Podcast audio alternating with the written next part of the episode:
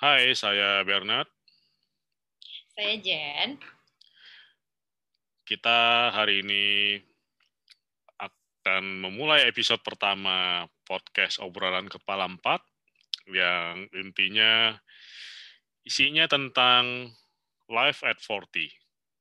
Oke, jadi hari ini uh, topik pertama kita apa ya? Starting apa, over at 40. Oke, starting over at 40. Ini kayaknya menarik nih. Kenapa ya starting over at 40 ya? What happened ya at 40? Apa maksudnya gitu? Eh. Kira-kira gimana ceritanya sehingga bisa starting over again? Again ya? Enggak sih, starting over at 40. Gimana ceritanya Jen? Mungkin mulai dari Jen dulu. Ya, dari gua ya. Oke. Okay. Yeah. Um, berarti mungkin uh, sekalian memperkenalkan diri. Jadi ini bisa sekaligus uh, introduction about myself and why I'm starting over F40 and a little bit of my background kali ya. Uh, so apa namanya ya gue sekarang um, 40 years old. Um, I was married uh, for 14 years. Jadi gue uh, menikah selama 14 tahun, lalu I got a divorce. Um, jadi selama 14 tahun itu I was a housewife. Uh, gue ibu rumah tangga, terus uh, bener-bener gue, jadi gue gak kerja, gue stay at home mom. Jadi gue punya dua anak, uh, boys, both of them are boys. Hmm, jadi gue dulu ya kerjaan gue ya kayak regular housewife, gue urus anak, habis itu gue uh, apa namanya urus rumah, urus suami, uh, apa waktu anak-anak udah sekolah gue antar jemput anak sekolah, ya pokoknya typical housewife lah kerjaan gue. Jadi gue nggak kerja, ya, maksudnya gue tidak menghasilkan uh, uang, nggak ada contribution uh, dalam hal financial di keluarga gue waktu itu. Um, terus by the time I get I have to get a divorce gue jadi harus uh, independen gue harus financially independent terus gue harus balik tinggal sama orang tua gue. Uh, after ya ya udah lama banget terakhir gue tinggal di rumah orang tua gue kan berarti uh, I left I left my parents itu waktu kuliah because I didn't go to college here di Jakarta. Jadi gue udah nggak tinggal di sini sejak itu. Terus ya ini balik lagi after so long gitu gue balik lagi. Jadi uh, itu gue ya a lot of things going on emotionally dan lain-lain gitu it's not easy lalu sekarang gue harus work gue harus uh, financially independent gue harus think about uh, my future gue mau ngapain hari tua gue gue mau gimana gitu kan atur keuangan dan lain-lain dan sebagainya jadi um, a lot of things going on. Jadi waktu gue got divorced itu I was 38 years old. Terus gue I was already worried gitu. Karena gue pikir biasanya kan orang by the time they're 40 mereka udah ada list of things yang they have to achieve. Kayak gue udah harus punya rumah sendiri atau apa namanya rumahnya harus a certain size, punya kolam renang, punya mobil, mobilnya harus a certain uh, brand gitu kan. Biasanya kan kayak gitu. Jadi I was also like that. Jadi gue ada that fear di mana gue pikir gila ya teman-teman gue semua udah settle down sementara gue you know I lost like buka ya bisa dibilang ya I was thinking back then kayak gue lost everything gitu loh. Gue I have no husband, I have no family, uh, gue harus share my my kids with my ex kayak gitu-gitu kan. Terus like living back with my parents itu tuh kayak setback gitu. Gue merasanya it was it was a setback gitu loh. Jadi um, it was tough juga gitu thinking that oh by 40 gue nggak punya apa-apa gitu. That that that was uh, my thinking back then gitu. Makanya jadi uh, ya gue jadi sering pakai hashtag starting over at 40 atau life begin at 40 kayak gitu-gitu sih. Karena menurut gue ya in a way gue merasa seperti itu. Kalau lu gimana? Gua gua gimana ya? Gua sebenarnya gua memulai apa ya perjalanan gua lumayan panjang sih. Di karir ya gua di karir corporate kan 10 years and then kayak apa terakhir sebelum 2017 itu uh, dari 2011 sampai 2017 tuh gue starting my own business gitu kan. Terus uh, ya even it's not easy untuk building the business everyone know gitu kan untuk growing from zero to intinya millions itu it take a lot of effort ya kan. Dan tapi di ya 2015 gue married gitu kan uh, dan sayangnya 2017 I thought when I married itu semuanya komplit ya kan. It's completing my life gitu kan.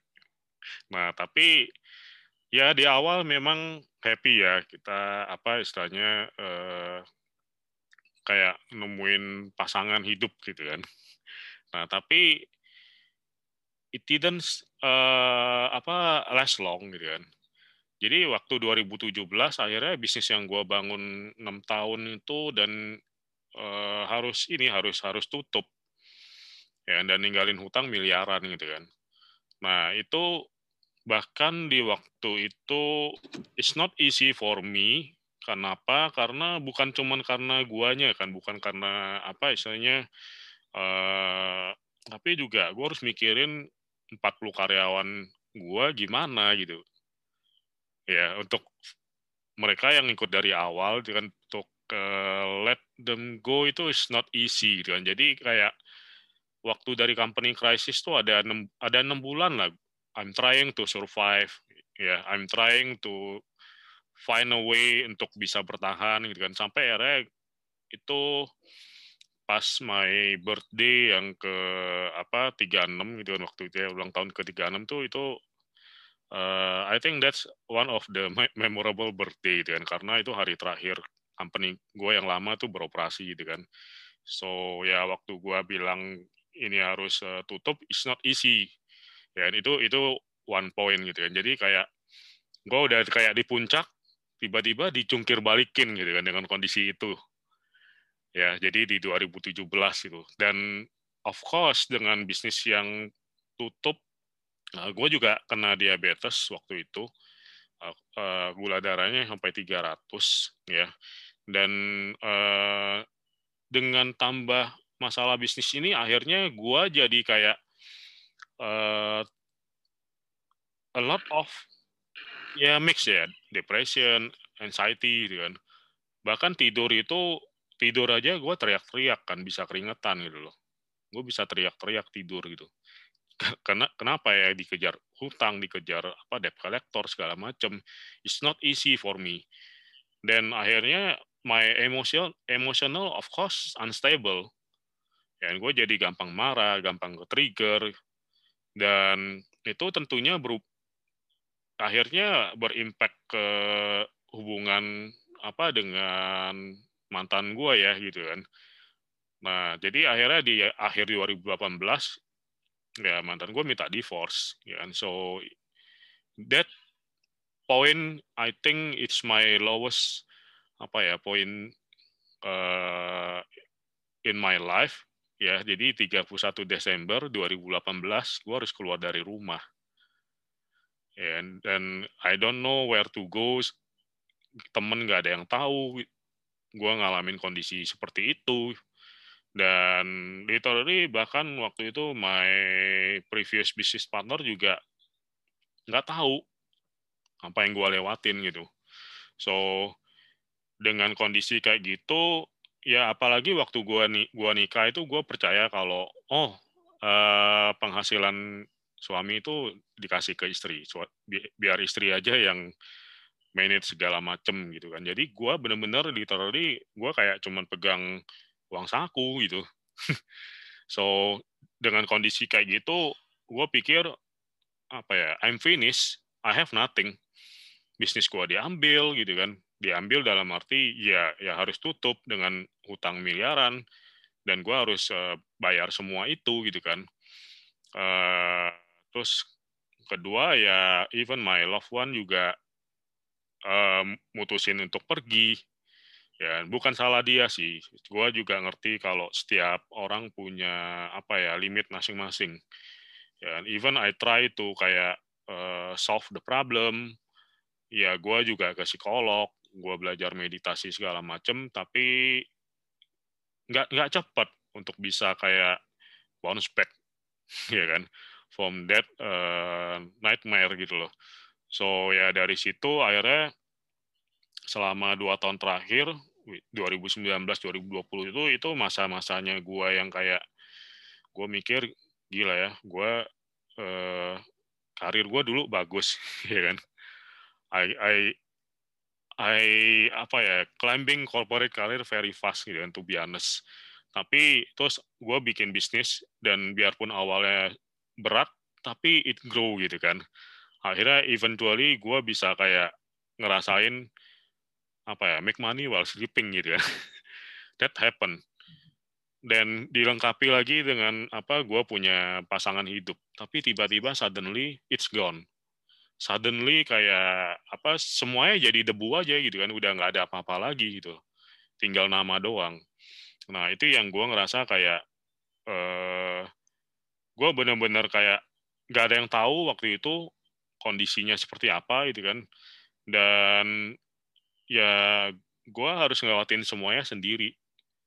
Ya benar-benar sendiri. Gue cari tempat tinggal yang baru gitu kan. Gue sempat pindah dari apa awal itu emergency gue ke hostel bayangin gitu kan. Tinggal di hostel di Kemang gitu kan. And then gue baru cari apartemen.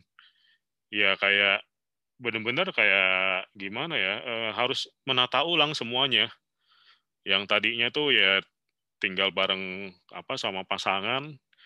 Ya ada someone yang kita bisa ngobrol share. Ya dengan kondisi itu bisa dibilang ya gue harus kayak kalau nangis tuh nangis sendirian sih dan gak ada yang tahu gitu loh nah so that's my journey apa kayak how everything tuh jadi apa ya kayak start over again kan dan gue harus dealing with my diabetes gitu kan, which is uh, not easy gitu kan.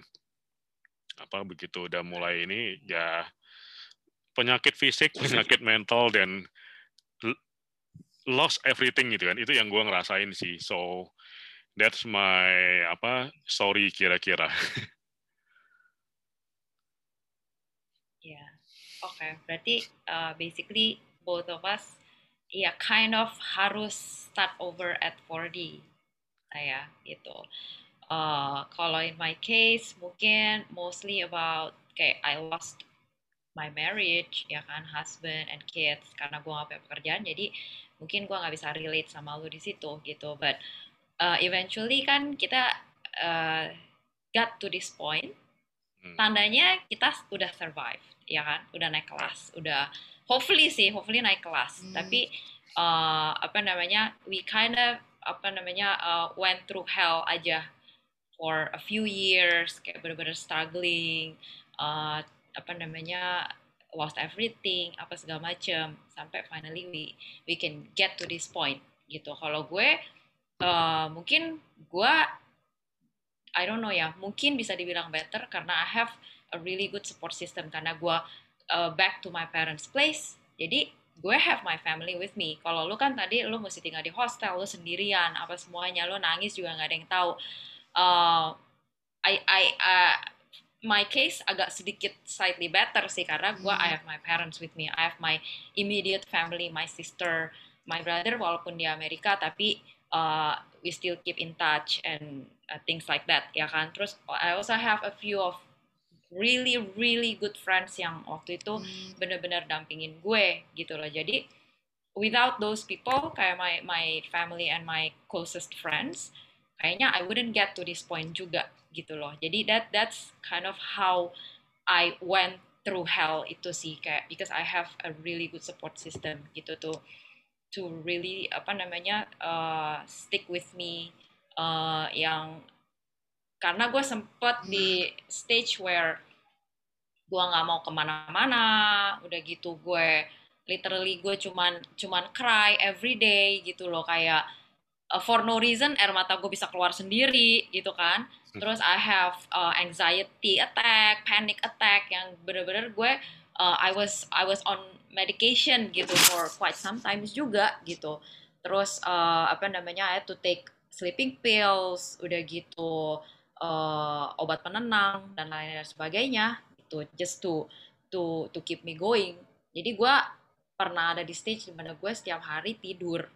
Jadi gue bangun tidur gue udah minum obat habis itu obat bikin ngantuk terus baru melek makan atau apa gue tidur lagi. Tidur tidur tidur tidur bangun makan ngapain ngapain minum obat lagi gitu. Jadi gue ada I I went through that stage gitu. Ya tapi sih untungnya again karena gue have a good support system and my parents always with me jadi ada yang keep an eye on me. Karena gue sempat suicidal juga gitu loh. Gue sempat berpikir uh, karena ada ada all those meds in my hands ya kan? Gue tuh sempat berpikir gila gue tinggal telan aja nih obat satu strip satu strip udah gitu. Kayak obat obat tidur kan lu minum minum minum terus lu nggak bangun dan udah gitu. Gue tuh sampai sampai ada stage di mana gue berpikir kayak gitu gitu. Jadi I was very lucky I have my parents I have my friends gitu to to help me went through hell gitu kan. Uh, sampai akhirnya gue jadi uh, apa namanya my friend ada beberapa yang uh, finally berhasil untuk ngajak gue berdoa uh, terus pergi ke Bible study. Jadi gue lebih ke ditarik ke arah sana sih gitu. Karena I didn't know what else to do gitu kan. Uh, gue nggak tahu mesti minta bantuan ke siapa atau apa atau apa. Tapi ya lucunya those people just appear aja gitu loh. Uh, karena gue not in a condition where I can search I can go out and and, and talk to people kayak dengan mudah uh, but weirdly enough and luckily enough those people just came to me gitu loh dan jalan itu yang terbuka untuk gue untuk bisa bangkit lagi gitu loh jadi gue lebih ke arah religious uh, pada saat itu. Uh, jadi I prayed a lot, I went to Bible study, I I went to church every week, kayak gitu-gitu sih. Uh, ya jadi kalau gue that's how I survived gitu kan. Uh, I don't know about you, mungkin lo bisa ceritain how did you survive? nah, kalau dibilang uh, gua nggak punya support system, sebenarnya nggak juga sih. I believe one thing gitu kan, when you really alone, ya kan, when you really alone, that mean you are closer to the universe or what you call it God gitu kan. Because uh, aloneness is the, apa silent is a silent is the universe. That what I believe, ya kan. Jadi kalau buat gue, my support system ya bener-bener God gitu kan, universe kan yang mungkin uh, eh, gue kelihatan kayak nggak punya teman, even kayak my business partner aja bisa bilang kayak apa udahlah bro kalau lu down setengah hari aja gitu kan. Jangan tiga hari atau seminggu gitu kan. Ya gue gua nggak bisa salahin dia sih ngomong gitu kan. It's uh, in term of the professional ya it's correct maybe gitu kan. Tapi kan situasi gue kan waktu itu gue tidak bisa mencerna apa pun gitu loh. Semua yang gue rasain tuh pahit doang gitu kan. Jadi ya omongan seperti itu pun buat gue ya waktu itu gue menerimanya dengan sakit hati. To be honest gitu kan. Kondisi gue seperti itu kok gue dibilang gitu ya downnya setengah hari aja ya. I cannot gitu kan. Nah, jadi uh, my support system sebenarnya literally ya the universe is the best support system for me. Ya, uh, dan gue untuk ngelewatin itu gila, gue I, I study the Bible gitu kan, balik lagi study the Bible, baca segala macam gitu kan. Terus Bible nggak puas gitu kan, gue cari lagi Buddhism. Jadi benar-benar gue melewati pencarian itu dalam arti yang lebih universe, universal gitu kan pencariannya kan. Gue juga download Quran tafsirannya Quraisy Shihab gitu kan digital gue baca kan okay. tapi akhirnya nggak lama paling around one and a half month ya terus uh, eh, gue baca juga tentang Taoism tapi akhirnya yang benar-benar gue bisa relate tuh ya Buddhism dan Taoism dua itu gitu kan Nah, uh, Bible, yes, of course, gitu kan. Sampai waktu itu gue sampai baca baca lagi ceritanya Ayub kan. uh, My favorite. Ya, itu gue jadi ngeliat uh, apa gue apa gua kayak gitu ya gitu kan. Ya gue udah kena sakit gitu kan, then I lost everything bisa dibilang gitu kan, kecuali nyawanya gue doang yang tersisa ya, bisa dibilang gitu kan. Tapi ya I don't know, mungkin juga mungkin juga gue nggak separah itu kan, gue gue masih berpikir seperti itu kan. Tapi maybe I can relate with that story gitu kan yang kayak gue selama ini gue ngerasa I do nothing wrong gitu kan gue tidak melakukan kejahatan apa pun gitu kan. Kalau di mata ini ya di mata religion kan di mata Tuhan I do nothing wrong gitu kan. I try to do my best apa istilahnya to do good for everyone gitu kan. Biarpun gue nggak bisa bikin semua orang happy of course gitu kan. Tapi kenapa gue mengalami semua ini gitu kan? Nah itu yang gue nggak terima. Dan ya dari pencarian itu sebenarnya akhirnya gue mulai kayak dikasih kayak clue gitu kan. Dikasih kayak clue kondisi kayak gitu apa yang harus gue lakuin ya? The first thing tuh akhirnya ya surrender. Ya, kan? dan surrender itu kita berpikir kadang oh ini gue udah surrender. Ya kan? Itu di waktu awal 2018 tuh gue berpikir gue udah surrender. Ya kan? Ternyata enggak ternyata enggak. Jadi gue waktu itu dipaksa tiga kali surrender akhirnya. Baru bener-bener gue bener-bener kayak oke okay, it's enough gitu kan. Uh, eh, gue nggak mau maksain lagi ya semua kehendak gue yang terjadi ya kehendak lu aja deh. Lu mau apain hidup gue terserah lu ya kan? Uh, apa lu yang ngasih gua kehidupan gitu kan? Lu berhak mencabutnya kapan pun lu berhak mengambil harta gua lu berhak mengambil orang yang gua cintai gitu kan bahkan lu berhak mengambil hidup gua sekalipun gitu loh do it if you want gitu kan nah itu the last surrender tuh ya di apa sebelum gua ulang tahun di 2019 ya and it's really I really question sebelum ulang tahun gue ke 38 deh. Itu bener-bener yang kayak oke, okay, I'm done. ya kan? Nah, baru dari situ yang kayak pelan-pelan tuh akhirnya ya gue dikasih apa jalan gitu kan. Diketemuin dengan toolsnya gitu kan meditation gue ketemu sama teman gue gitu kan yang apa dia guru yoga gitu yang akhirnya ya dia banyak dengerin ceritanya gue gitu kan dan apa uh, ya intinya just being a listener biarpun uh, dia nggak bisa solve problemnya gitu kan. Tapi itu yang dibutuhin waktu kita lagi di, di kondisi seperti itu sih. Dan ya dari situ apa gue belajar tentang being grateful gitu kan. Gue nulis gratitude journal ya. Dalam kondisi yang kayak uh, bahkan untuk menemuin satu hal yang gue bisa syukuri nih satu hal aja di hari itu yang gue bisa bersyukur. Jangan kan di hari itu di minggu itu gitu kan. Ya. Nggak ada nggak bisa itu kan susah banget. Yeah. tapi akhirnya gue tulis pelan-pelan dan somehow kayak uh, gue menemukan kayak a small miracle happen gitu kan in my life.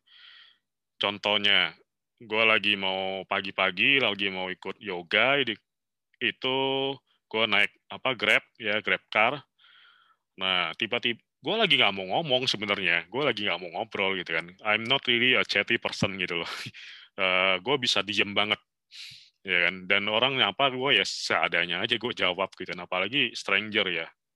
I don't bother to talk to stranger gitu kan. Nah so ya dia dia dia cerita gitu kan. Dia di PHK segala macam terus uh, dia dia narik grab dari jam 5 pagi sampai jam 12 malam. Dan lumayan penghasilannya gitu kan.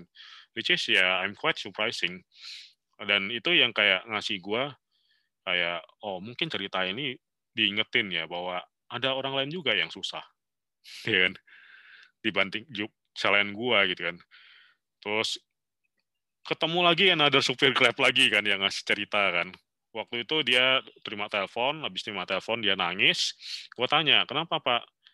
oh ya istri saya baru ini baru meninggal gitu kan karena kebakaran kan rumahnya kebakaran jadi luka bakar semuanya nah di situ yang gue shock akhirnya gue uh, stop minta berhenti sebentar gue ke ATM I give uh, apa istilahnya di situ yang gue ngerasa kayak ya gue masih beruntung sebetulnya. Ya kan I can still survive gue masih bisa hidup gue punya kemampuan untuk kerja gitu kan apa pun itu.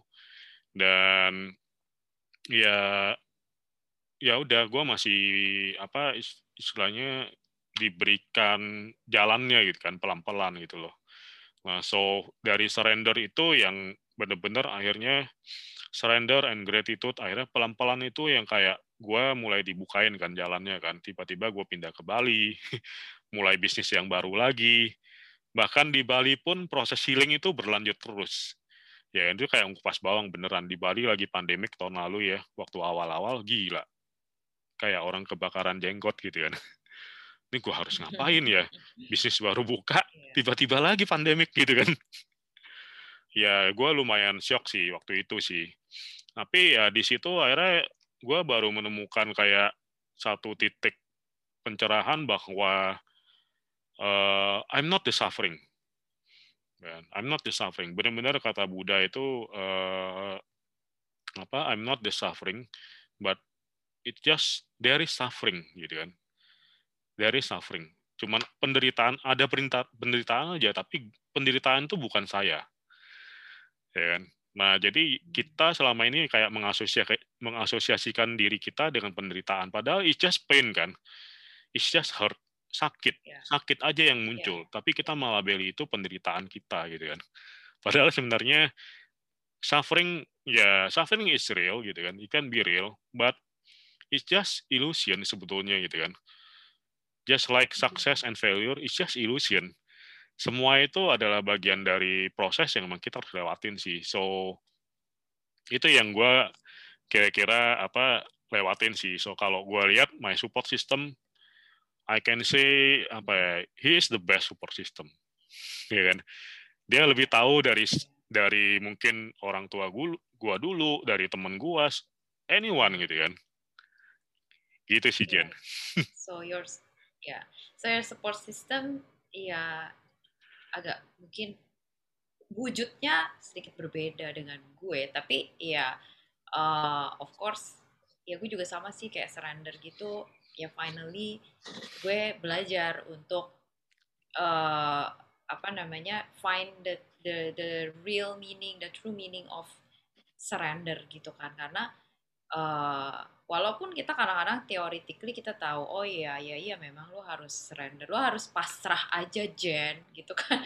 Semua orang pasti gitu pasrah aja Jen ya kan. Everybody will say that. You go to church you know the pastor will say surrender surrender pasrah ya kan. Percaya kalau Tuhan gini gini tapi iya kan gak, segampang itu ya. Kayak kita tuh kayak harus bener-bener dapet uh, pencerahan gitu sampai lu bener-bener oke okay, oh this, this ini toh ini yeah. toh rasanya surrender ini toh yeah. gitu kan.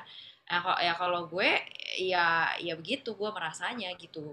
Walaupun tahu eh, apa yang lo rasain? surrender tapi sometimes hah? Apa yang lo rasain waktu surrender? Dari surrender tuh apa rasanya? Apa yang gue dari surrender itu uh, rasanya gimana ya? Kayak ya kalau kalau dalam karena gue selalu waktu waktu pada saat itu gue sering banget go to church jadi gue kayak terus-terusan dikasih uh, sermonnya tuh tentang ya kayak gitu like you have to trust God gitu loh. Kayak uh, apa namanya ya ya lu you, you, you let God do the work for you gitu kan. Hmm. uh, jadi jadi gue kayak pelan-pelan oke okay, ya udah nggak usah dipikir. Karena gue dulu bukan gimana ya gue bukan jadi kasus gue lebih ke gue banyak pikiran karena gue orangnya kan over overthinker kan. Jadi gue selalu bawanya kayak kepikiran kayak ketakutan gitu kayak kayak jadi gue nggak bisa surrender itu dalam artian otak gue kayak kepala gue itu nggak bisa surrender gue nggak bisa trust uh, just let, let it be aja itu nggak bisa gitu. Jadi gue nggak bisa tidur terus gue kayak panic attack kayak gue mikir tuh bisa ke mana-mana kayak aduh nanti gimana kalau kayak gini? Oh nanti gimana kalau kayak gini? Terus gimana kalau gue nanti one day gue nggak punya duit terus gue jadi gembel kayak gitu gitu jadi dari satu satu pemikiran satu pemicu itu bisa non-stop. Gue mikir terus mikir terus mikir terus mikir terus gitu loh. Uh, terus by the time gue learn kayak how to ya udah you have to trust. God at the same time itu kayak gue merasa kayak baru jalan gue kebuka gitu baru ditunjukin kalau kalau ada titik terang ada ada teman yang bantu like I got a lot of these new people coming into my life yang tiba-tiba uh, serve a purpose in my life pada saat itu gitu loh. Uh, ya udah jadi kayak bantuan dari mana-mana tuh tiba-tiba muncul atau ada like banyak deh pokoknya banyak uh, banyak events yang terus gue oke okay, kok begitu gue kayak trust God gitu kayak I surrender uh, tiba-tiba gue malah kayak merasa lebih enteng gue malah lebih bisa melihat ada kayak cahaya terang gitu kan karena gue merasa kayak itu literally ya gue merasa kayak gue itu like kayak di dalam hole gitu tau gak sih? Jadi setiap malam nih setiap malam itu gue bisa kepikiran kayak gue itu lagi di dalam sumur dalam gitu loh. Yang nggak ada cahaya gue tuh nggak bisa kayak gue nggak bisa ngelihat apa-apa di sekitar gue. I just didn't know what to do. Kayak gue bener-bener nggak tahu ini hidup gue mau dibawa ke mana sih Tuhan? Gitu loh. Gue tuh selalu malam-malam mikirnya gitu. Tuhan lo mau bawa hidup gue ke mana? Kenapa lo kasih gue cobaan begini berat? Gitu loh. Jadi gue tuh cuma fokusnya di situ doang fokus gue tuh di situ terus for the longest time gue merasa fokus gue cuman di situ. Kayak gue nggak bisa ngelihat anything. I don't understand what you want from me. Lo mau bawa hidup gue ke mana? Itu aja gitu. Sampai finally when uh, I surrender kayak gue udah cuek ya udah bodo amat deh gitu. Kayak sama kayak lu bodo amat deh gitu lo mau bikin apa di hidup pokoknya gue udah gue mau diam aja. Baru gitu baru terus uh, tiba-tiba gue kayak oke okay, ini gue jalan gue baru kelihatan. Oh begini kok. Oh oh begini? Oh gue mungkin gue mesti jualan kue. Atau mungkin gue masih gini mesti apa. Itu baru kelihatan. Gue baru bisa finally take baby steps gitu. Gitu sih kalau gue. Ya apa ya kan? surrender tuh is not easy sih memang gitu kan. Tapi ya gue ngerasain yeah. itu yang diperlukan sebenarnya dan kalau kita iya, bisa, karena bisa lo, apa uh, gimana tadi ya karena it's like sometimes lo gak bisa surrender karena the fear itu stronger than anything else. Mostly sih fear sih. Jadi gue baru bisa surrender itu di saat gue mengerti this is fear. Ya. Semuanya tuh pangkalnya dari fear. This is only my fear, like in my head itu semuanya isinya tuh takut, takut, takut, takut, ketakutan yang belum terjadi. Ini, itu, ini, kayak gitu. Jadi by the time gue realize that akarnya itu fear, baru gue bisa, ya itu kan belum kejadian.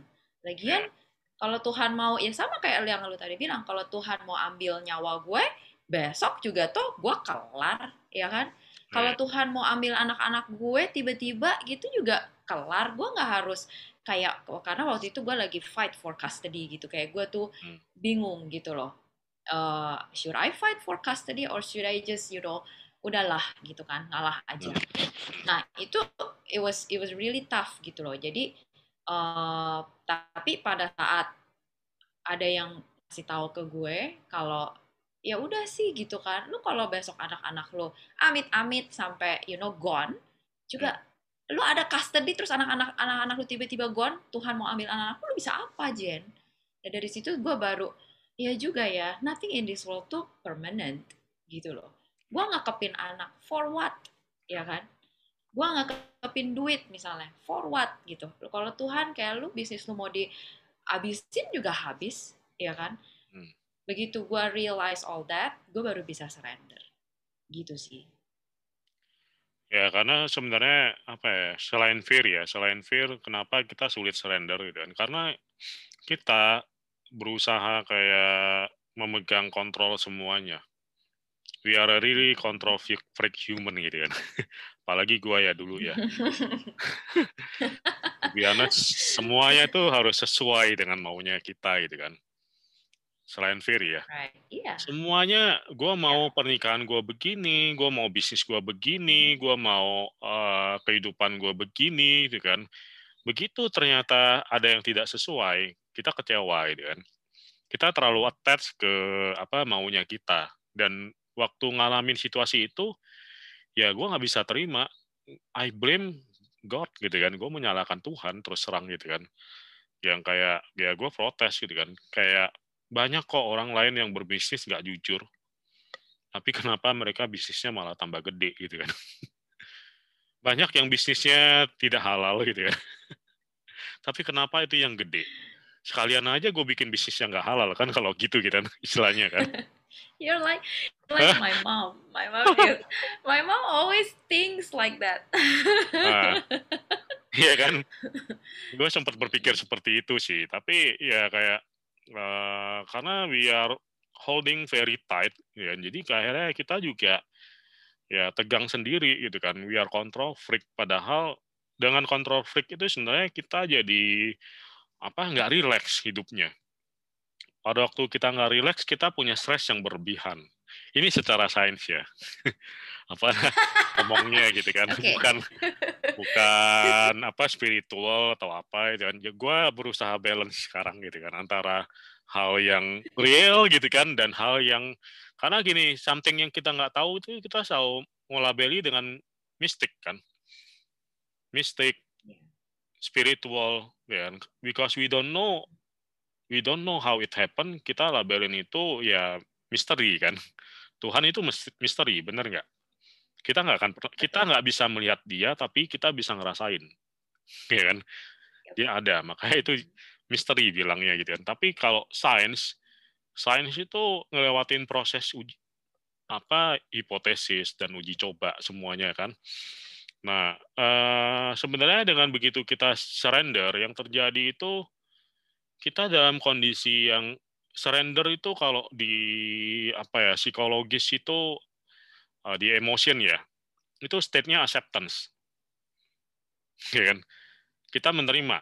Salah satu guru gua, guru meditasi gua itu dia kena kanker leukemia, kanker darah. Ya, di usianya yang 35 dulu, ya.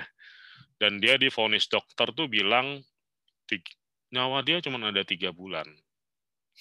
Bayangin, hidupnya dia ya cuma tiga bulan. Dia nggak terima, dia protes dia berobat ke sana kemari ke luar negeri ini itu kan tetap hasilnya sama.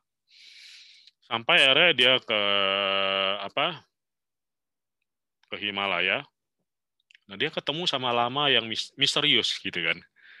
Dia nggak tahu tuh uh, kenapa misterius? Karena setelah malam itu uh, apa dia ketemu dia bilang si lamanya bilang gini uh, oke okay, jadi kamu mau apa? Saya mau sembuh gitu kan kata kata guru gue waktu itu gitu kan. Saya mau sembuh.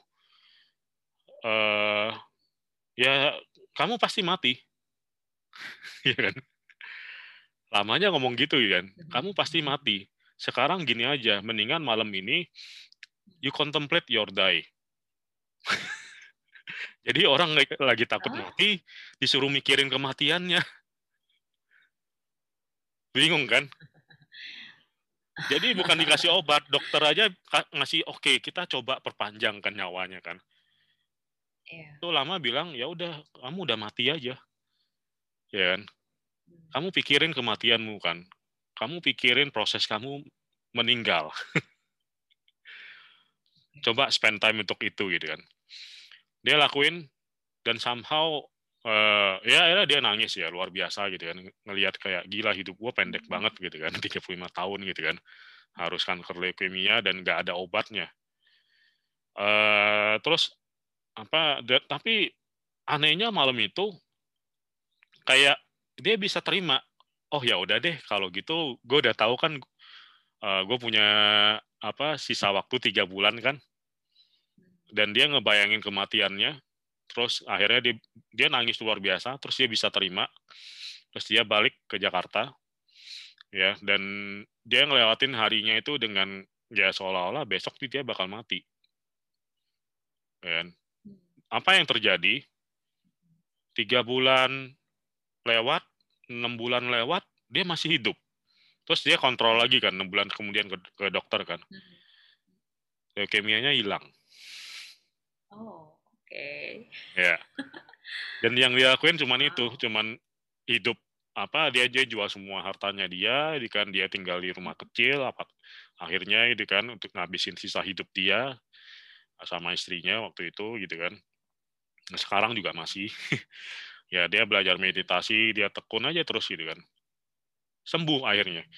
Nah jadi pelajarannya sebenarnya sama. Akhirnya dari situ gue belajar juga sih kalau ternyata itu bikin kondisi kita rileks waktu kita rileks tuh stres kita berkurang waktu stres kita berkurang, penyakit itu pelan-pelan hormon kortisol itu ya, itu berkurang kan.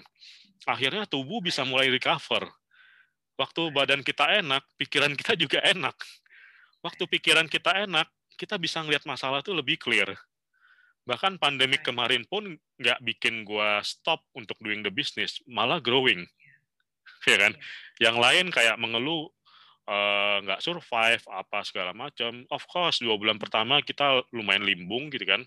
Tapi gue ngerasain finally ya yeah, we are surviving even now growing gitu kan biarpun kayak apa ya there is still more room to grow of course gitu kan. Tapi I can say it's blessing enough gitu kan. Nah itu sih jadi dari surrender akhirnya bikin kita relax and we find the clarity. Ya kan? Yang gue ngerasain gue jadi confidence lagi. Dulu kan gue nggak confidence jangan kan confidence. I lost my self worth ya kan? Karena self worth gue ada di bisnis gue yang udah tutup itu self worth gue ada di pasangan gue yang gue pikir bakal bareng selamanya gitu kan. Someone yang harusnya apa eh, kalau menurut janji nikah apa dalam suka dan duka sakit dan apa senang gitu kan tapi it never happen gitu kan. Nah, I lost my self worth, tapi how how I gain back my confidence? Clarity. When you get clarity, you know where to move, ya kan? You become confidence. Jadi confidence itu bukan kayak teori motivasi yang saya bisa, kamu pasti bisa. Orang kayak gitu tuh nggak bisa digituin gitu kan. Gak bisa. Gak bisa. Ayo Gak kamu bisa. bangun gitu kan. Enak aja lu bilang bangun. Ya lu yeah. kagak tahu gue udah jatuh masuk jurang, terus uh, uh, di apa timbun batu gede, abis itu ada meteor jatuh dari atas, jeder. terus disuruh bangun. Dari ya, jurang ya, masuk lagi ya. ke dalam lagi kan. Gimana gue suruh bangun ya? Iya, benar. Ya kan, kadang ya itu some kind of toxic positivity itu yang agak yeah. berbahaya di situasi seperti yeah. itu kan. Yeah. Itu yeah. sih yang gue ngerasain jadi kayak ya akhirnya dari clarity pelan-pelan I rediscover myself. Gue nanya lagi, gue siapa sebenarnya? Pertanyaan yang lebih berat habis itu kan. Waktu mulai proses healing kan, who am I sih gitu kan. Dan I'm lucky enough, gue nggak perlu lima tahun gitu kan. dalam kondisi pencarian Ya, dan five years. Ya, five year ya orang bilang ya.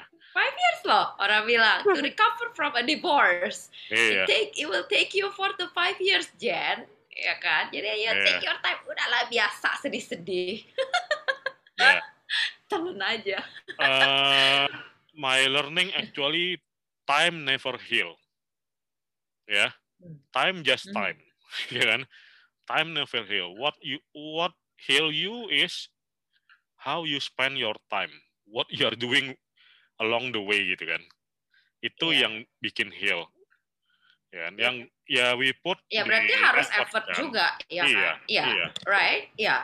You can't just like okay, people say it will take you four to five years yeah. to recover from a divorce to to uh. to finally be able to like uh, laugh uh, benar-benar ketawa tanpa kayak ada rasa celekit-celekit gitu kan Yeah. Uh, tapi ya ya gak bisa juga kalau lo just doing what you are doing kayak terpuruk apa ya ya nggak tahu sih ya mungkin aja bisa I don't know gitu kan tapi I also believe I also believe that ya yeah, you have to put effort gitu kalau lo mau mau mau be better ya lo mesti put effort kayak lo mau kaya ya lo mesti kerja ya kan hmm. lo mesti kerja lo nggak mungkin lo duduk-duduk abis itu duit datang sendiri ya kecuali memang lu punya passive income. Nah itu pun lu mesti put effort in it. Lu mesti cari ya kan? Apa yang bisa jadi yeah. passive income ya kan? Nggak bisa datang begitu saja gitu loh. Uh, yang menurut gue semuanya butuh effort including ya getting better uh, apa namanya bangkit gitu. In our case mungkin bangkit dari keterpurukan. Ya of course. Ya lu mesti belajar gimana caranya jangan duduk-duduk doang. Terus kayak cry the whole day minum obat ya kan? Ya yeah, that, that's what I believe in juga sih gitu. Ya itu itu apa ya kalau orang yang bilang time will heal dan lima tahun itu ya biasanya yang time will heal versinya ya. Tapi I I don't want to ya gue nggak mau. five years ya dong. Yeah. kalau lu bisa make it shorter why not ya kan? Yeah. gila lo ngapain lo lo take years let's make it two years ya kan? Even three yeah. years four years. Ya yeah, it's better than four years ya kan? Uh, finally even I think for me it's two years untuk benar-benar apa uh, re, uh, move on rediscover myself gitu kan. Ya gue tahu gue iya. siapa gue sehari-hari harusnya gue seperti apa kan? Hidup kehidupan gue sehari-hari sekarang gue tahu itu kan. Mana yang bikin gue happy mana yang bikin gue nggak happy gitu kan. I know gitu kan. Jadi ya gue fokus ke hal yang create joy aja in my life gitu kan. Yang nggak create joy ya dibuang-buang aja kan di apa dorong-dorong ke jurang gitu kan. Dorong-dorong ke jurang. Ya bukan bukan menerima kejelekan sih. Apa bukan menolak kejelekan kan tapi lebih ke kayak apa oke okay, I know this is not something that I want gitu kan. But I just accept it dan gue nggak mau kayak terlalu fokus ke situ gitu loh. Fokus ke hal yang bikin kita grow gitu kan. Fokus ke hal yang expand ourselves gitu kan. Buat gua itu yang lebih baik iya, sih. iya. nah terus kan kita udah ngelewatin nih semuanya gitu kan. Dan apa finally kita survive kan ya? Iya, kita udah survive. Nah, tapi udah survive, udah glowing katanya gue. Oh, iya. orang bilang, "Oh, you glow differently now, Jen." ya, teman-teman gue bilang you look younger than your 30. Early 30 maksud gue gitu kan, temen gue teman-teman gue ya. Yeah. Uh, yang dulunya ada yang komen, "Ya, yeah, Bro, dulu lu kayak ini ya, apa bapak-bapak supir truk gitu kan, anaknya empat, padahal gak punya anak." kejam banget tuh temen gua. Iya. Bilang ya tapi better kan? Iya better. Sekarang better gitu kan. Nah terus uh, apa sih yang lu ngerasain bedanya itu kan setelah start over in your 40 ya gue bentar lagi 40 ya. Gue belum 40 bahkan gitu kan. baru 39 gue bentar lagi 41 tahun nah, 39 tahun 9 bulan. Iya soon ya kan so, gue gue 41 gue 41 41 lagi kan? Nah, apa, apa tadi? sih yang berbeda? What, what, what do you feel different setelah memulai semuanya lagi kan? Bedanya era 40 above ini apa dibandingkan before 40 gitu kan? Apa yang lu rasain bedanya di hidup lu sekarang?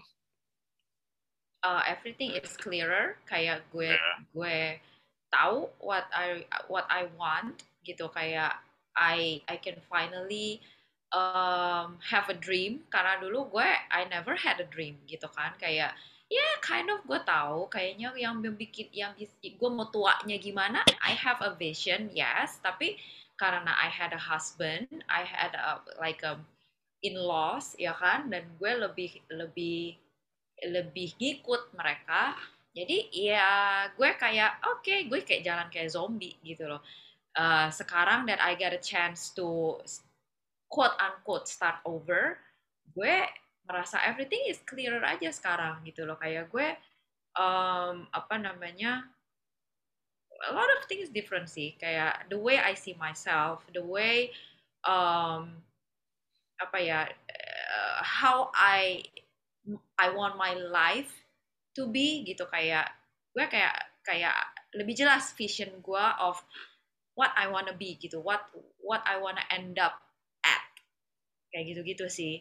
Uh, terus gue juga discover like rediscovering myself. Gue gak mau bilang discover berarti kemarin-kemarin gue ke mana gitu kan. Kayaknya jahat banget.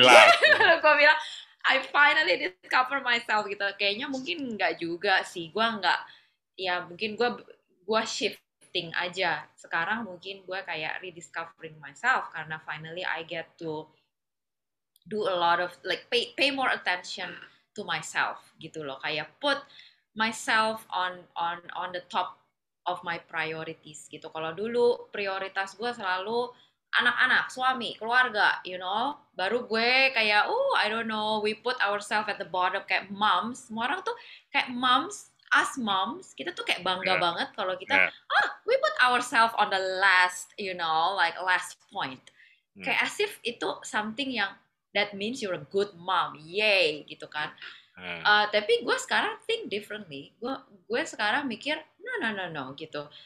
Lu bukan berarti you are a mom and you are a wife bukan berarti you have to put yourself on the last uh, point gitu at the, uh, at the bottom of the list gitu loh you have to put yourself on top of the list juga gitu karena kalau misalnya lo nggak nggak nggak mendahului diri lo then how you gonna like like pay attention to all everybody around you ya kan?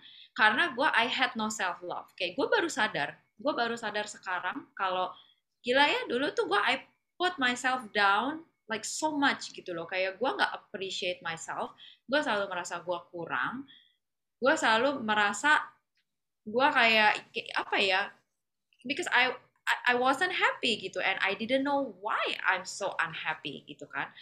Gue nggak pernah merasa I'm worth like like I don't have any self worthy gitu loh kayak gue jalan kayak zombie aja. Gue gue nggak tahu gue siapa gue nggak tahu Eh, kebagusan kebagusan gue. Ya gue tahu gitu I know I'm good at this this this, this. tapi kayak I cannot be proud of it gitu loh. Kayak gimana ya kayak nggak bisa menghargai diri gue sendiri gitu kayak because because I always feel less gitu kan. Nah sekarang gue merasa gila ya gitu how how can you say those stuff to yourself? Gitu loh. Terus lo expect people to to to praise you. Ya nggak bisa gitu loh. You have to praise yourself.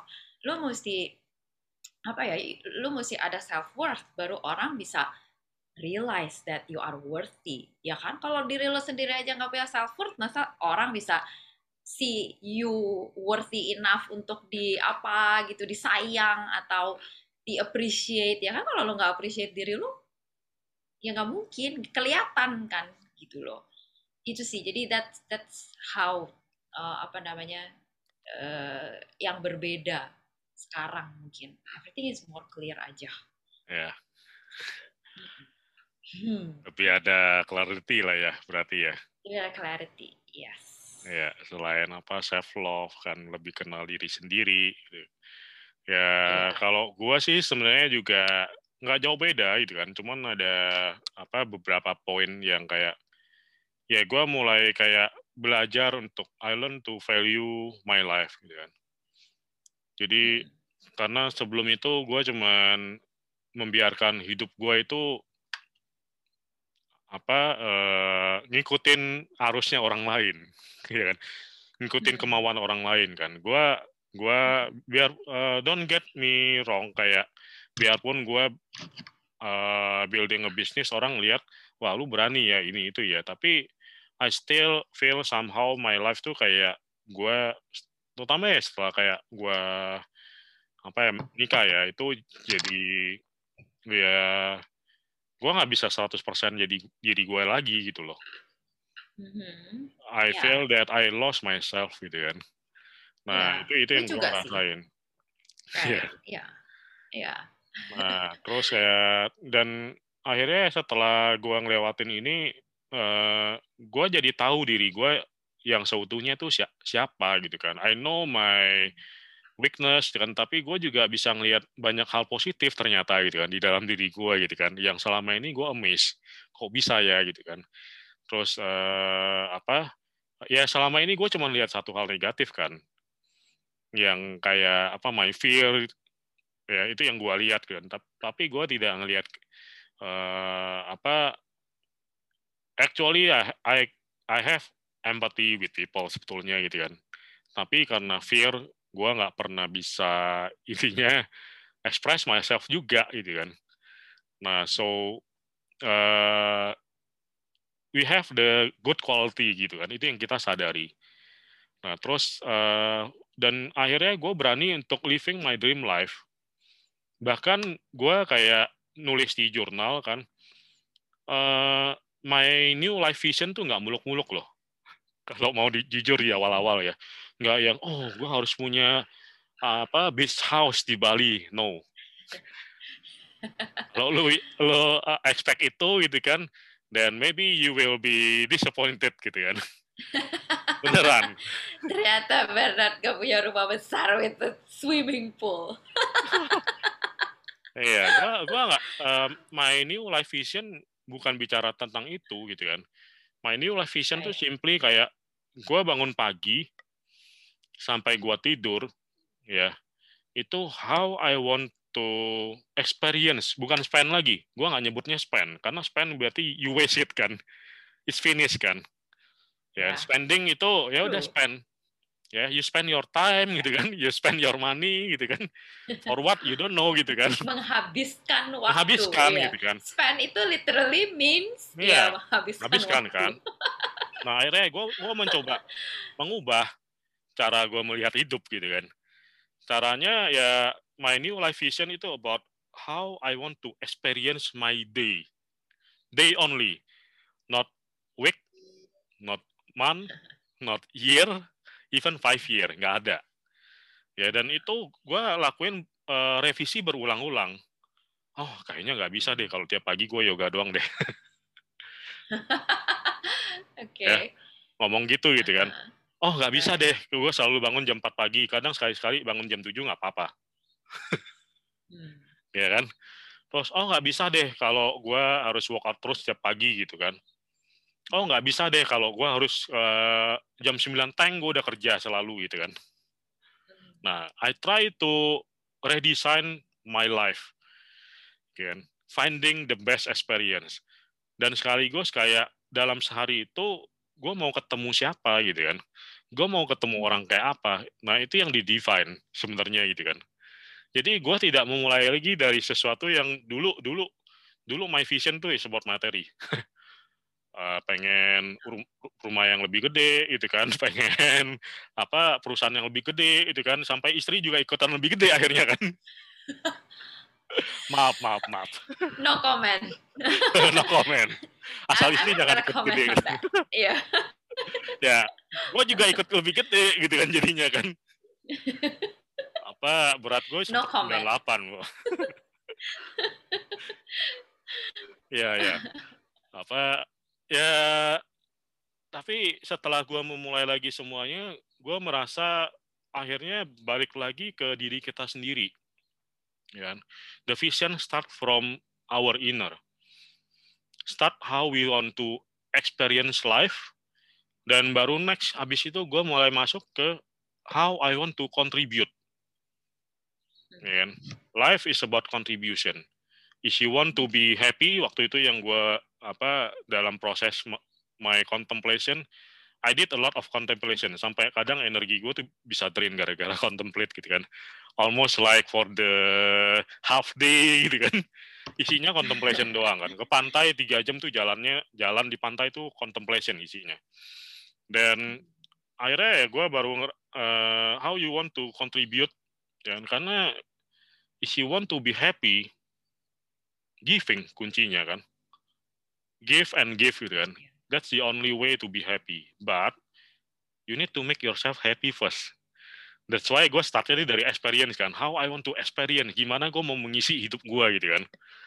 Supaya hidup gue lebih meaningful.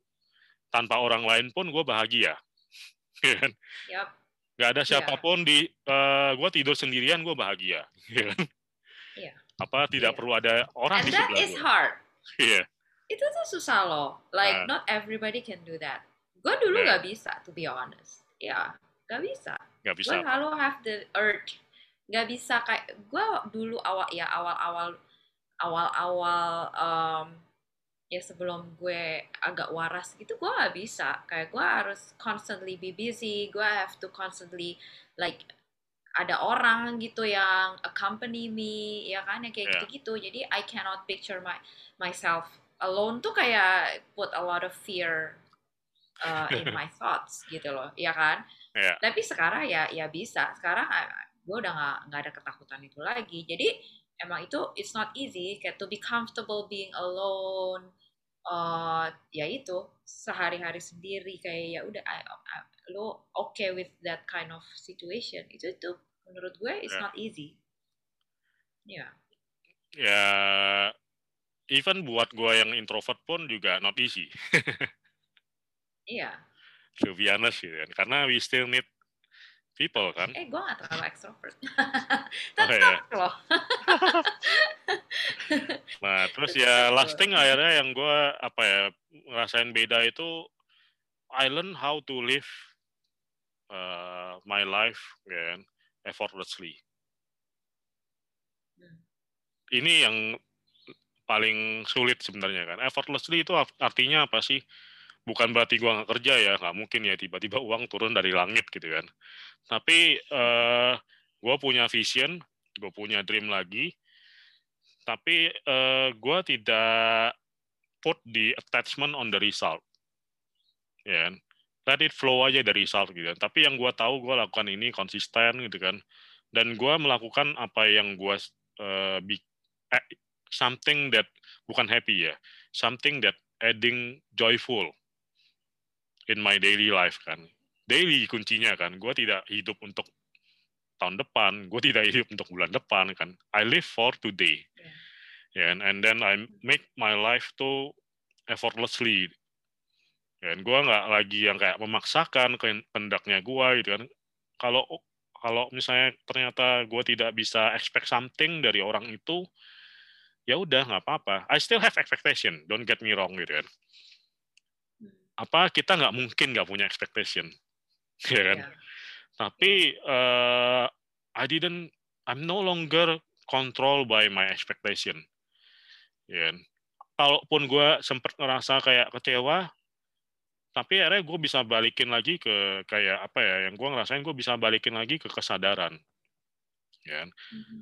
balik lagi sadar oh ya udah mungkin I'm expecting too much mungkin gitu kan. Much, yeah. Dan akhirnya ya udahlah let it let it go gitu kan. And eventually mm -hmm. something better just come gitu. Yeah. Itu sih. Jadi kayak kayak apa ya? Kayak kayak air lah gitu kan. Hmm. Air tuh kalau uh, nyumbet ya, akhirnya yang terjadi apa? Gak akan ke mana-mana kan, gak akan bisa ke laut kan. Mm. You will not reach the ocean gitu kan you stay in the river, you stay in the God bahkan gitu kan, di God di selokan yeah. gitu ya. Nah, tapi gimana caranya uh, lu bisa going to the ocean? Ya, you just flowing. Lu jangan ngelawan kan, jangan jangan ngelawan arus intinya gitu kan, just flowing. Yeah. But bukan berarti lu nggak punya prinsip, bukan berarti lu nggak punya value, you still have that. Yeah. Yeah. Yeah. Nah itu yang gue ngerasain sih. So I think we comes to the conclusion is the last thing ya. Ada lagi nggak yang lu ngerasain something yang different gitu? Yeah. Nah, yeah, not not not really karena gue kayak belum naik kelas, belum belum se-advance itu. Wah jangan gitu dong, please. Masa main compare ini? We are not here to compare, we are here to share. Kompetitif. Nah itu dia, gue nggak mau. Ini bukan kompetisi ya, tolong ya. I'm not even better gitu kan. Kita di sini bukan yeah. untuk menggurui siapa pun, kita cuma untuk yeah. sharing dan belajar yeah. bareng. Bahkan gue belajar beberapa poin dari lu gitu kan, bahwa pentingnya support system gitu kan. Maybe now I should build my support system karena gue nggak tahu hidup gue 10 tahun lagi ke depan kayak apa. Yeah. Ya kan? Kalau 10 tahun lagi gue ngalami hal yang lebih gila, gak ada support system mungkin bisa nggak bertahan loh. Kan? oh, jangan gitu, amit-amit. ya amit-amit gitu kan. Kita nggak ada yang tahu. We, yeah, we never yeah. know gitu kan. Iya. Yeah, so ya yeah, mungkin ya gue harus mulai bangun my support system juga gitu kan. Dengan cara I support others. Mm-hmm. Kan? That's the only way kan yeah. untuk you get the support system. Right.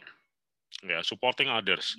So that's why makanya mungkin di sini ya hopefully apa yang kita share di podcast itu bisa supporting teman-teman gitu kan yang menuju 40 gitu kan yang lagi galau gitu kan atau yeah. yang mengalami hal yang sama I believe apa ya kita bisa lewatin ini semuanya bareng kan yang hopefully lebih apa smooth sailing lah nah terus last thing uh, kalau lu bisa balik lagi nih ke masa muda gitu kan masa-masa lagi apa jaya-jayanya gitu uh, what do you wish you could do better sih when you are younger gitu kan? Apa yang lu akan lakukan lebih baik supaya at 40 bisa lebih smooth sailing lah ya? Apa yang lu bakal lakuin lebih baik? Uh, ya mungkin uh, have more awareness ya kan? Um, in terms of kayak now I realize that gue ternyata itu banyak kayak uh, trauma ya kan? Everybody has trauma of course. Mm -hmm. uh, tapi kadang kita kayak nggak menganggap itu penting gitu kayak ya udah uh, nanti juga beres sendiri atau ya lo just kayak nggak peduli aja gitu loh. Uh, tapi ternyata itu play gue gue sadar kalau itu play a quite a big part sebenarnya. Uh, why am I why I was acting the way I was terus kenapa gue jadi pribadi yang kayak begini kayak begitu. Itu ternyata has a lot to do with uh, childhood trauma mungkin trauma di relationship yang dulu-dulu ya kan? And I also wish that gue mungkin bisa belajar tentang diri gue lebih dalam gitu loh. Kayak like no gue itu sebenarnya orangnya kayak apa ya kan terus uh, apa namanya ya mungkin nyari why-nya sih. Kayak karena gue banyak kayak wondering kenapa ya gue kayak gitu? Kenapa ya gue kayak gitu? Dan gue gak gak ngerti kalau gue punya pertanyaan seperti itu gitu. Gimana ya ngomong jelasinnya ya? Tapi that's how I feel sih. Jadi sekarang gue baru kayak menjawab oh gue tuh begitu bukan karena gue agak-agak gila ya gitu kan. Ternyata gue begini-begini. Karena karena, karena gue suka karena kayak memang gitu. gila gitu. Again gitu. Karena gue uh, apa namanya kebiasaan uh, put myself down gitu. Jadi gue secara tidak sadar itu sering begitu. Gue merasa for the longest time gue merasa gue gila gitu loh. Gue merasa gue kurang waras kali ya atau gue gitu gitu loh. Tapi ternyata sekarang gue oh enggak lah gitu. Gue tuh gak gila gitu kan. Gue begini karena begini begini begini gitu. Karena ada trauma ada ini ada itu. Atau as simple as that's just my character gitu loh. Hmm. uh, gue dibesarkan seperti itu di keluarga ya seperti itu gitu loh. Ya I am I am the way I am gitu. Jadi gue gue jadi ngerti dan gue jadi jadi bisa tahu apa yang harus gue benahin apa yang mungkin agak susah gitu ya udah uh, ditinggalin aja dulu gitu. Yang gue bisa uh, perbaiki gue gue tahu di di mana yang harus gue perbaiki di mana yang harus gue pelajari untuk uh, membuat diri gue lebih baik gitu. Jadi I wish gue bisa ngelakuin itu earlier not not in my 40 ya kan? Iya. gitu. Jadi ya ya itu sih more awareness uh, terhadap diri sendiri ya. Kenapa gue ini seperti sekarang? Kenapa gue ini begini? Kenapa gue punya karakter seperti ini? Kenapa gue sifatnya seperti ini? Kenapa gue overthinker? Kenapa ya kayak gitu gitu sih. Ya. Kalau lu? Kalau gue ya gue berharap gue tidak melakukan denial. Kalau hmm. childhood trauma gue itu ternyata masih mengganggu bahkan di usia gue yang udah 20-an gitu sebenarnya. Hmm karena uh, my parent uh, apa bokap gue meninggal tuh waktu gue SMP kelas 2 jadi udah lama banget kan. Terus bokap gue meninggal waktu gue usia 24 tahun which is itu I have quite apa ya grief lah intinya. Gue lumayan depresi waktu itu. Nah uh, tapi ya gue berpikir bahwa trauma masa kecil gue itu udah lewat? gue udah dewasa, gue udah bisa cari uang, gue bisa traveling, gue bisa make my life happy. Itu tidak pernah iya. muncul di usia 20-an gue itu apa ya, 20 eh, 20 sampai 30 early ya. Sampai sebelum hmm. gue menikah itu, I think my life kayak fine, tapi ternyata sebenarnya gue mencari distraction sebetulnya. Setelah gue sadar, sebenarnya gue lagi dalam kondisi depresi gitu kan. I'm not happy at all gitu kan. I don't know what I'm looking for. Selain kayak gue cari uang yang banyak habis itu I spend my money for traveling and everything gitu kan. Enjoy my life. Yang kayak finding the happiness from outside. Dan gue nggak punya kayak self awareness sama sekali. Gue tuh siapa gitu kan. Gue bahkan kayak apa uh, bisnis pun gue nggak tahu gitu kan. Gue gua sempat ditanya sama mentor gue gitu kan. So what is your mission sih sebenarnya bikin bisnis ini? Gue shock. Gue nggak tahu gitu kan jawabannya. Apa ya? Selain gedein lagi gitu kan. I don't know gitu kan. Uh, make people happy through traveling. Eh ternyata nggak bisa ternyata bikin orang segitu banyak happy gitu kan pada komplain juga hmm. beberapa gitu kan.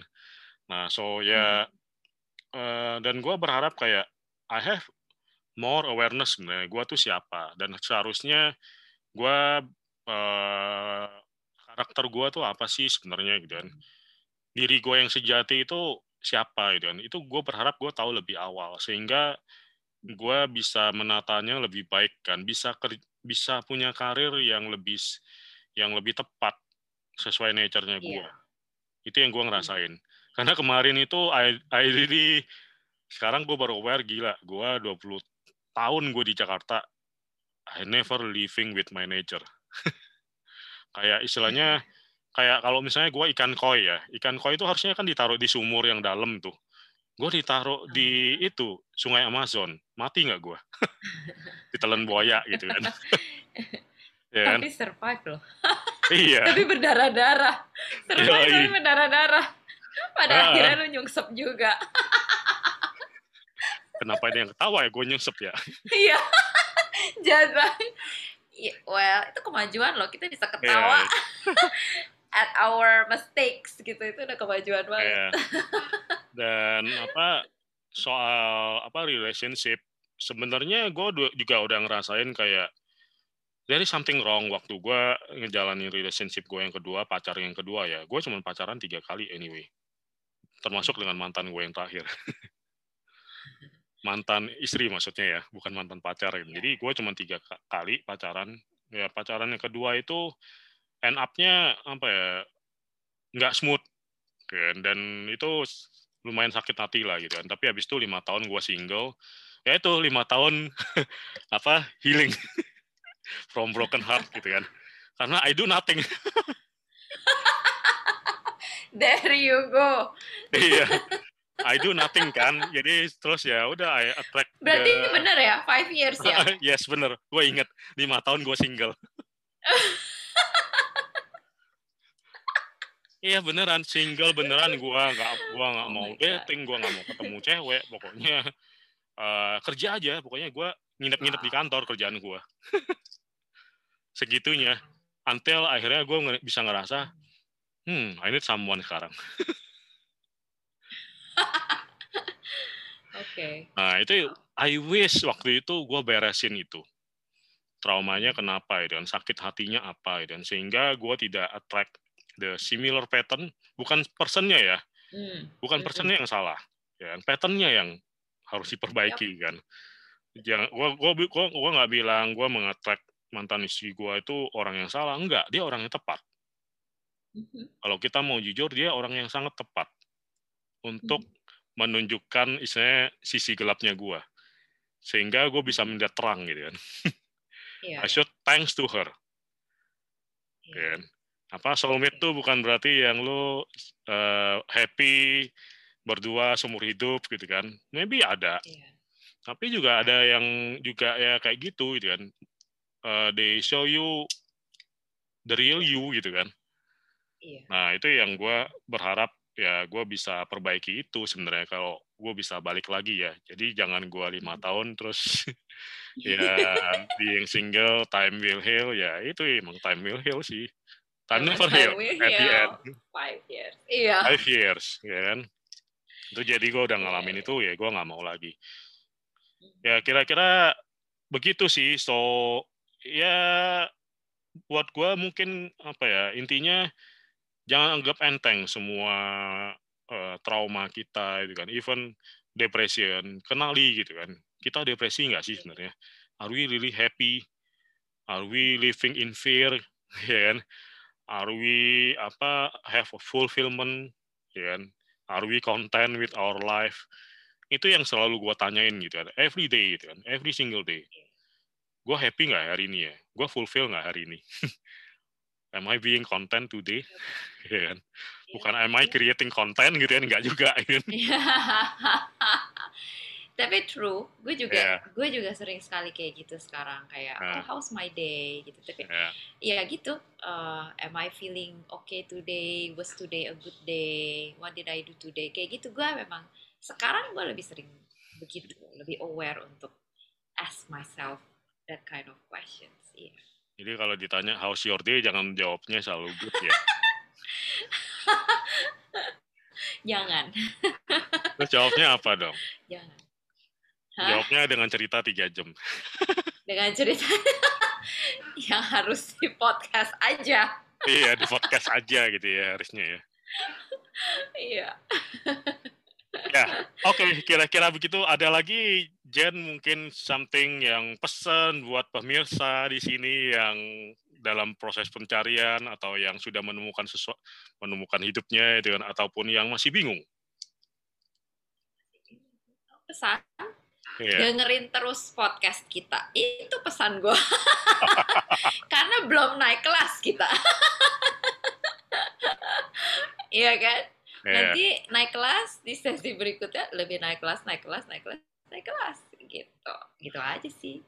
ya, apa kita masih evolve lah, kita masih belajar biar imperfect person ya. Jadi yeah. justru itu kita belajar menertawakan ketidaksempurnaan kita ya karena dengan tertawa akhirnya kita bisa lebih rileks dan punya apa clarity akhirnya gitu ya untuk menemukan yeah.